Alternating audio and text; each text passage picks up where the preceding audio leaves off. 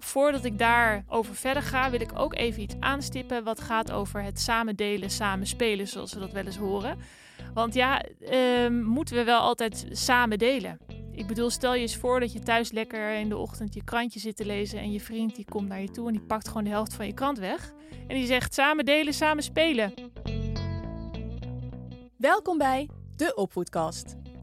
De podcast over alles wat je als ouder van jonge kinderen wil weten. Want tijdens de opvoeding van die kleine loop je tegen van alles aan. En dan is het fijn om af en toe een pedagogische hulplijn te hebben. En daarom zijn we deze podcast begonnen. Speciaal voor ouders die door de bomen van advies het bos niet meer zien. In deze tweewekelijkse podcastserie geven wij jullie handige inzichten en praktische tips over de ontwikkeling van kinderen en opvoeding. Dit doen we aan de hand van vragen die door onze luisteraars gesteld zijn. We behandelen deze vragen op basis van de pedagogische visie van Companelli, onze eigen kennis en ervaringen en wetenschappelijk onderzoek. Mijn naam is Amber. Ik ben pedagoog en marketeer bij Companelli. Ik heb de opleiding pedagogiek gedaan en ben begonnen op de groep als pedagogisch medewerker. En nu host van de podcast. Ik heb net een huis gekocht met mijn vriend, heb zelf nog geen kinderen, maar vind het fantastisch om met ze te werken. En ik heb heel veel zin om iedere keer achter deze microfoon te kruipen om al jullie prangende vragen te beantwoorden.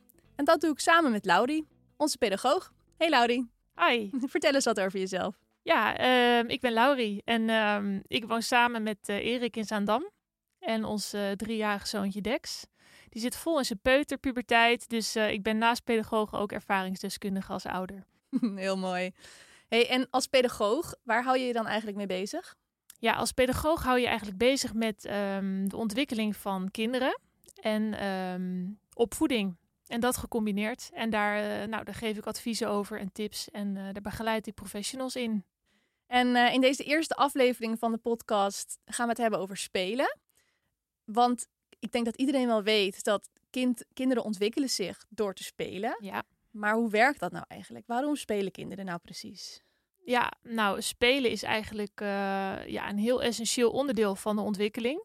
Um, en het is iets wat we eigenlijk nooit helemaal verleren. Ook als volwassenen spelen we nog steeds. Um, ik heb zelf namelijk altijd als ik in een bos aan het wandelen ben en ik zie daar een mooie grote boom met van die uitstekende takken, dan, dan krijg ik gewoon meteen zin om daarin te klimmen. Echt klimboom. Ja, en dat, nou ja, dat is ook eigenlijk nog steeds een vorm van spelen. Maar als kind, vooral in de kindertijd, is spelen echt essentieel om te begrijpen hoe die grote wereld om je heen nou eigenlijk werkt. Ja, dus spelen is ook heel erg bedoeld om, om alle vaardigheden op te doen die je later nodig hebt. Ja, is precies.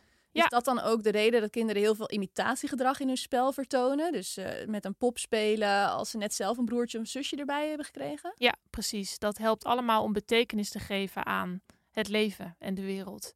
Um, en het is ook heel interessant dat um, kinderen eigenlijk ongeacht hun cultuur of hun etnische afkomst, uh, de omgeving waar ze opgroeien, um, als ze de mogelijkheid hebben, dan spelen ze. En er is een hele interessante documentaire, die kan ik echt aanraden, die heet Babies. Die staat op Netflix. Uh, en dat gaat over, uh, er worden eigenlijk vier verschillende baby's op hele diverse plekken op de wereld gevolgd. Als jong Echt in kind. andere culturen. Ja, al die kinderen, waar ze ook opgroeien, uh, eenzelfde soort vorm van spel laten zien. Oké. Okay. Kan ik je echt aanraden. Als je hem nog niet gezien hebt, dan uh, nou, kijk gaan we vooral. zeker allemaal kijken. Hey, en al die verschillende soorten spel, die vormen, uh, Mhm. mm -hmm. hoe, wat voor vormen zijn er dan? Ja, je hebt heel veel verschillende soorten spel. En je kunt ze eigenlijk categoriseren in, in een aantal soort van hoofdspelvormen. Um, dat is bijvoorbeeld uh, constructiespel. Um, dus dat is eigenlijk spel waarbij je sorteert en dingen samenvoegt. Dus dat kan je voor je zien als een kind uh, iets, iets bouwt met Lego of met grote houten blokken. Um, motorisch spel, dat is, um, dan kan je denken aan rennen, springen, klimmen. Dus de grove motoriek, maar ook de fijne motoriek, zoals tekenen of knippen. Um, er is verkennend spel en daarbij staat echt het, het, onderzoeken van materialen centraal. Dus het is heel belangrijk dat kinderen dan verschillende materialen hebben om te voelen, te onderzoeken. Um, denk aan klei of aan uh, water, uh, modder, hè, waar kinderen over het algemeen allemaal heel graag mee spelen. Ja, modder is altijd populair. En lekker vies willen worden. Um, en dan heb je fantasiespel. Dat is eigenlijk een beetje het doen alsof spel. Dat is, um, bijvoorbeeld als je een kind eh, een blokje ziet pakken en daarmee over de tafel rijdt alsof het een autootje is. Ehm, en tot slot heb je nog het rollenspel, het interactieve rollenspel. Ehm, daarbij verdelen kinderen ook echt rollen. Ehm, om wat jij net noemde, uh, imitatiespel te laten zien. Dus bijvoorbeeld, een kind zegt: Jij bent de moeder en ik ben de vader. En dan is het andere kind het zusje of het broertje. En zo spelen ze de dagelijkse realiteit eigenlijk na. Hey, en met die verschillende soorten spel hebben ze natuurlijk ook verschillende soorten vaardigheden die ze dan ontwikkelen. Ja. Over welke vaardigheden hebben we het dan? Kun je daar wat voorbeelden van geven? Zeker. Ehm, nou, bijvoorbeeld dat bouwen wat ik net noemde, dat met Lego en, uh, en Duplo. Um, eigenlijk wat je daarvoor nodig hebt is strategisch inzicht. Het lijkt eigenlijk heel simpel. Je bouwt een toren door blokjes op elkaar te zetten. Maar een kind die moet daar echt over nadenken. Van ik zet het ene blokje op het andere blokje. een ouder kind, daarbij gaat het allemaal al iets meer vanzelf. Maar een, startende bouwer, die moet echt gaan nadenken over... oké, hoe zet ik dan dat volgende blokje neer, zodat het niet omvalt? en als het doel is om een hoge toren te bouwen... dan moet je echt goed gaan kijken en organiseren... Uh, hoe je die blokjes neerzet. Dus het is eigenlijk een soort begin van strategisch denken, uh, plannen en organiseren. Oké. Als mijn kind nou later uh, niet zo van blokken houden, uh, bouwen houdt, moet ik me dan zorgen gaan maken over dat hij later ook niet zo goed wordt in organiseren en plannen? Nou, vind ik een leuke vraag. Daar hoef je zeker geen zorgen over te maken. Want alle kinderen die zoeken in hun eigen spel wel um, de mogelijkheden op om al die vaardigheden zich eigen te maken. En bij de een um, treedt dat imitatiespel veel meer naar de voorgrond, omdat dat uh, ja, in de natuurlijke interesse van het kind zit. En bij de ander is, is puzzelen bijvoorbeeld echt iets waar ze interesse naar uitgaat. Uh, maar uiteindelijk komt dat allemaal samen. Oké, dus ik hoef niet uh, Duplo onder zijn neus te gaan schuiven later. Zeker niet. Waarschijnlijk krijg je het dan tegen je hoofd aan. Hey, Laudie, deze podcast die draait ook vooral om alle luisteraarsvragen die we binnenkrijgen. Zullen we beginnen met de eerste? Ja, kom maar op. Oké, nou de eerste vraag die is uh, ingezonden door David. En uh, David uh, vraagt zich het volgende af. Hey Laurie en Amber. Ik merk dat ik het wel ja, lastig vind om met mijn kind samen te gaan spelen. ik heb een zoontje van drie.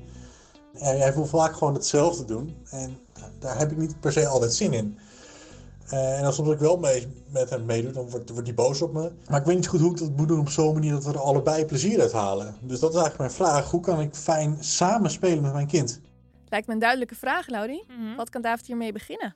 Uh, hele duidelijke vraag. En ik denk ook een heel um, herkenbaar scenario voor veel ouders in uh, nou, lockdown-tijd, waarin scholen en kinderopvang gesloten zijn en je nou, aan het zoveelste potje memory ik herken dat in ieder geval zelf wel, dat je af en toe denkt, nou, daar gaan we weer. um, maar het is heel belangrijk. Kijk, meespelen kan heel erg uh, leuk zijn. En er zijn eigenlijk um, nou, drie dingen die ik daar even in wil meegeven om het, om het samenspel leuk te maken en verrijkend voor zowel jezelf als het kind. En dat is um, in eerste instantie het verkennen. Dus belangrijk daarbij is verplaats je in je kind en, en kijk echt even naar je kind. Van wat houdt hem nou bezig? Wat vindt hij leuk? Um, wat vindt hij interessant? Wat wekt zijn interesse? Um, en dat vereist dus echt eventjes wat rust en, en observeren. Dus dat betekent niet heel actief meespelen, maar ga gewoon eens kijken. Als je kind even lekker in zijn spel zit, wat is hij nou eigenlijk aan het doen? Moet dat dan echt van een afstandje, dat observeren? Kan, maar het kan ook uh, tijdens het spel zijn waar, waar je bij zit. Dat je even bewust even een momentje van stilte uh, pakt. En gewoon eens kijkt van, hé, hey, waar gaat dit spel eigenlijk heen? Ja, oké. En daarnaast is het heel belangrijk dat je ook verbinding zoekt met je kind. Uh, dat klinkt misschien een beetje ingewikkeld, maar daarmee bedoel ik dat je um, de regie bij je kind laat. Um, ook al heb je zelf misschien allerlei leuke ideeën over hoe het spel nog verder vorm kan krijgen, laat regie bij je kind. Um, en dat wil niet zeggen dat je het spel niet kan verrijken of dat je geen nieuwe ideeën aan kunt dragen. En volg je kind een beetje in het spel. Kijk welke kant hij op gaat en beweeg lekker mee. Maar daarnaast kun je het spel ook verrijken door uh, bijvoorbeeld eens een keer een andere verhaallijn uh, in te slaan in een rollenspel. Of als je iets aan het bouwen bent, stel je bouwt een grote schuur, dat je er nog een, uh, een garage bij bouwt. Ik noem maar wat. Hè? En dan kan het ook zijn dat je kind er helemaal niet in meegaat of zegt nee, dat wil ik helemaal niet. Dan accepteer je dat. Oké, zijn er nog andere dingen die je als ouder zou kunnen doen om dat samen spelen te bevorderen, leuk te maken? Ja, nou ja, je kunt sowieso al ook wel veel doen in, in de voorbereiding. Dus uh, als je je kind, ja, als je er tijd voor hebt, laat ik wel even wezen. Maar uh, dat, je de, dat je bewijzen van de kamer al een beetje leuk klaarzet. Dat je verschillende dingetjes uitstalt waarvan je weet dat je kind daar blij van wordt. Ehm, dat je het alvast leuk klaarzet, zodat je kind als hij uit school komt, dat hij denkt, ah oh, yes, ik ben thuis. En nu heeft mama of papa dit neergezet en daar had ik net zin in. En als ouders nou niet altijd evenveel tijd hebben, misschien is het ook wel zo dat je een activiteit met je kind niet altijd per se met speelgoed hoeft te doen. Als je bijvoorbeeld nog klusjes in het huis moet doen, dan kun je ook vragen aan je kind, afhankelijk van hoe oud hij is, um, of hij mee wil helpen, bijvoorbeeld met de was opvouwen. Ja, vind ik heel leuk dat je dat zegt, want daar heb je heel, een heel goed punt. Uh, het hoeft allemaal niet zo ingewikkeld te zijn. Een kind kan soms ook echt heel veel plezier halen uit inderdaad het helpen bij het koken, het roeren in de pan, uh, het vouwen van de was. Vaak vinden kinderen dat juist heel leuk. Oké, laten we doorgaan naar de tweede vraag. Deze vraag is van Lucas. En Lucas die vraagt zich het volgende af. Als ik mijn dochter van 2,5 zie spelen, valt het me op dat ze regelmatig speelgoed van andere kinderen afpakt. En dan eindigt het soms in tranen. Hoe leer ik mijn kind delen? Ja, afpakken, Laudi. Dat is een vraag die vaak uh, voorkomt uh, in mijn ervaring op de kinderopvang ook. Uh, mm-hmm, ja. Ik heb ook het idee dat het soms voor kinderen ook gewoon aantrekkelijker is om op speelgoed af te gaan waar iemand anders al mee aan het spelen is. Dat, mm-hmm. dat speelgoed beweegt al, daar heeft mm-hmm. iemand anders al interesse in getoond. Kun je in die zin misschien wel helemaal niet eens spreken van afpakken. Uh, maar toch vinden veel ouders het wel belangrijk dat het kindje leert delen. Hoe pak je dat aan, dat leren delen? Nou ja, ik denk dat het inderdaad heel herkenbaar is voor veel ouders met kinderen in een dreumische peuterleeftijd. Uh, maar toch zou ik de vraag iets willen verleggen naar, um, nou niet zozeer hoe leer ik mijn kind delen, maar meer hoe leer ik mijn kind samenspelen. Um, want, want delen is eigenlijk onderdeel van, van sociaal gedrag. Um, maar voordat ik daar over verder ga, wil ik ook even iets aanstippen wat gaat over het samen delen, samen spelen, zoals we dat wel eens horen. Want ja, uh, moeten we wel altijd samen delen. Ik bedoel, stel je eens voor dat je thuis lekker in de ochtend je krantje zit te lezen en je vriend die komt naar je toe en die pakt gewoon de helft van je krant weg. En die zegt samen delen, samen spelen. Dat zou niet dus blij van worden. Daar zit je toch helemaal niet op te wachten. Je wil, gewoon, je wil gewoon even lekker zelf die krant lezen. En zo werkt dat ook met kinderen. Dus ons streven als volwassenen moet ook helemaal niet zijn dat kinderen altijd maar moeten delen. Um, alsjeblieft niet. Maar goed, laten we wel. Kijk, los daarvan, delen is een heel eh, belangrijk element of een component van sociaal gedrag in spel. En um, het is heel belangrijk dat jij als ouder je kind wel meeneemt in wat is nou dat sociale gedrag en hoe speel je ook met andere kinderen samen. En um, deels gaat het ook echt vanzelf. Kinderen die leren die, die sociale gedragsnormen door naar elkaar te kijken. Um, maar als ouder kun je daar zeker uh, ondersteuning in bieden. Hoe doe je dat dan, dat ondersteunen? Nou, je kan uh, bijvoorbeeld helpen door als je ziet dat je kind in een conflict raakt met een ander kind, omdat hij uh, een autootje uit een ander kind zijn handen heeft getrokken. Um, je kind helpen om te laten begrijpen hoe de ander zich voelt. En dat klinkt een beetje ingewikkeld, maar dat is het eigenlijk niet. Um, je kan bijvoorbeeld uh, bij je kind gaan zitten en, en benoemen van kijk, je hebt uh, het autootje van Pim afgepakt en Pim is daar nu heel verdrietig om. Als jij dat uitlegt en benoemt, dan leert je kind dat begrijpen. Um, je moet dat niet al te vroeg verwachten, hè, want een kind is, is, is eigenlijk voor 2,5 slash 3 jaar niet in die mate in staat om zich te verplaatsen in een ander. Dus zorg wel dat je verwachtingen realistisch zijn. Eh, een kind van anderhalf, wat totaal op zichzelf gericht aan het spelen is uh, en geen sjoegen geeft aan de kinderen om zich heen, dat is geheel normaal. Zijn er nog meer dingen die je kunt doen om, ja, om dat samen spelen uh, goed te laten verlopen? Ja, zeker. Je kunt, uh, je kunt oefenen. Um, en dan, dan, oefenen met die sociale gedragsnormen waar ik het net over had. Uh, bijvoorbeeld door een spelletje te spelen. Hè, met een kind van drie kun je prima al een potje uh, nou, lotto of memory spelen. Hè, op, op een laag niveau. Ehm, maar puur om, niet zozeer om het spel zelf en de, en de cognitieve functie ervan. Maar meer om te leren hoe je op je beurt wacht. En nu is mama of nu is papa aan de beurt. En daarna ben jij weer. Um, en ook dat de stamregel uh, voor peuters is ook echt uh, herhaling. Dus de eerste keer is je kind misschien boos, of die kan helemaal niet op zijn beurt wachten, of die vindt dat mama überhaupt niet aan de beurt moet zijn. Um, maar dat vereist geduld en veel oefenen en herhaling. En daar kan je je kind wel echt mee helpen. Oké, en ehm, als we nog eventjes teruggaan over wat je net zei, over die conflict eh, situaties waar Ja. sommige kinderen wel eens inkomen, Ja. dan is het dus heel erg belangrijk om, om die emoties te benoemen, om hun goed te laten merken wat hun gedrag voor gevolgen heeft bij andere kindjes. Ja, ja, precies. Zijn er nog andere dingen waarin je je kind in die situaties kan leren hoe ze daarmee om moeten gaan? Ja, je kunt, ehm, je kunt ook samen ehm, nadenken over een oplossing. Wederom verwacht dat niet bij te jonge kinderen. Ik zou wederom hè, 2,5, 3 jaar, nou ja, 2,5 is sowieso misschien ook nog wel wat jong.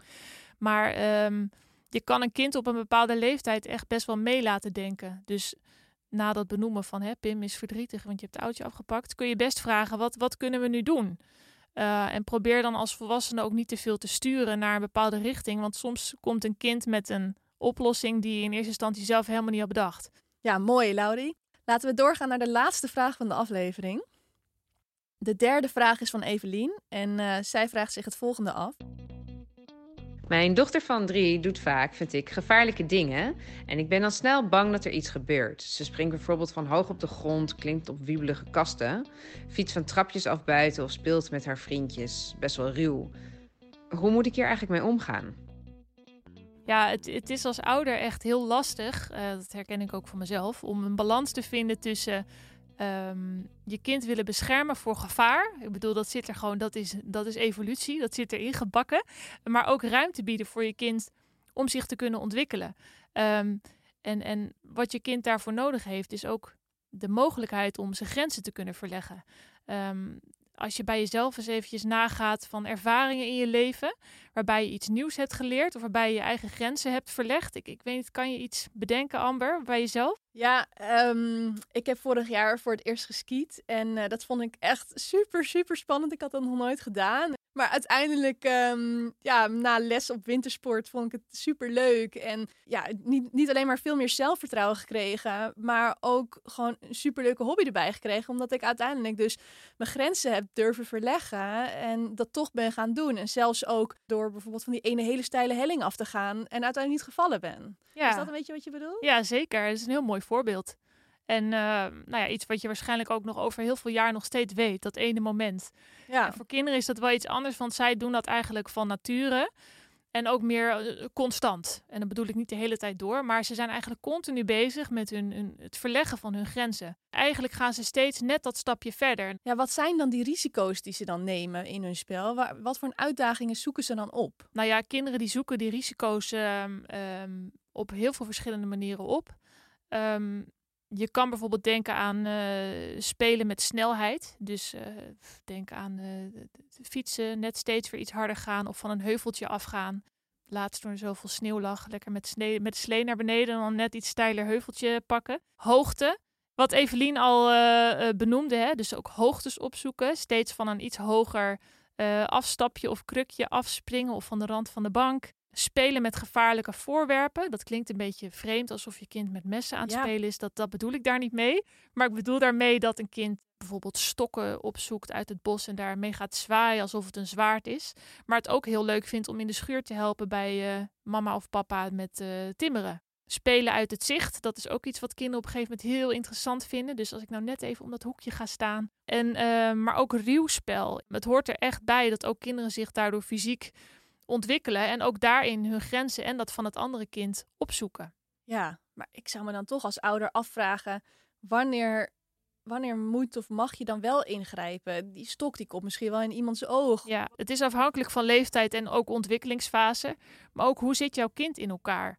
Ehm, je hebt kinderen die zijn van nature iets, ehm, nou, die zoeken wat meer de risico's op dan een ander kind. Ehm, en het is heel belangrijk dat je dat als ouder weet en dat ook respecteert. En heb ook vertrouwen in dat je kind die inschatting grotendeels zelf kan maken. Nou, dat was alweer de laatste luisteraarsvraag. We hebben best wel veel informatie gedeeld, dus laten we nog heel even een rijtje zetten waar we het allemaal over gehad hebben. Ja, goed idee. Oké. Eh, we moeten dus kijken waar ons kind zin in heeft. En als hij een keertje geen zin in ons heeft, dan is het ook helemaal oké. En de focus moeten we niet leggen op het samen spelen, samen delen, maar op het leren wat het gedrag doet met een ander. Ja. En kinderen zoeken altijd risico's op. En wij moeten het ze ook gewoon af en toe even gunnen om onderuit te gaan. Mooi gezegd. Nou, daarmee zijn we alweer aan het einde gekomen van deze allereerste aflevering. Ik vond het hartstikke leuk om te doen. Ik hoop jij ook, Laudie. Ik vond het heel leuk, zeker. Mooi. Ben je er de volgende keer weer bij? Absoluut. Fijn. Ik hoop alle luisteraars ook. En mocht je nou als luisteraar een vraag hebben, laat het ons dan vooral weten. Mail je vraag naar podcast.companany.nl of stuur ons een DM via Instagram of Facebook. En wil je niks missen? Abonneer je dan via Apple Podcast of Spotify. Mijn naam is Amber en ik hoop dat je er volgende keer weer bij bent.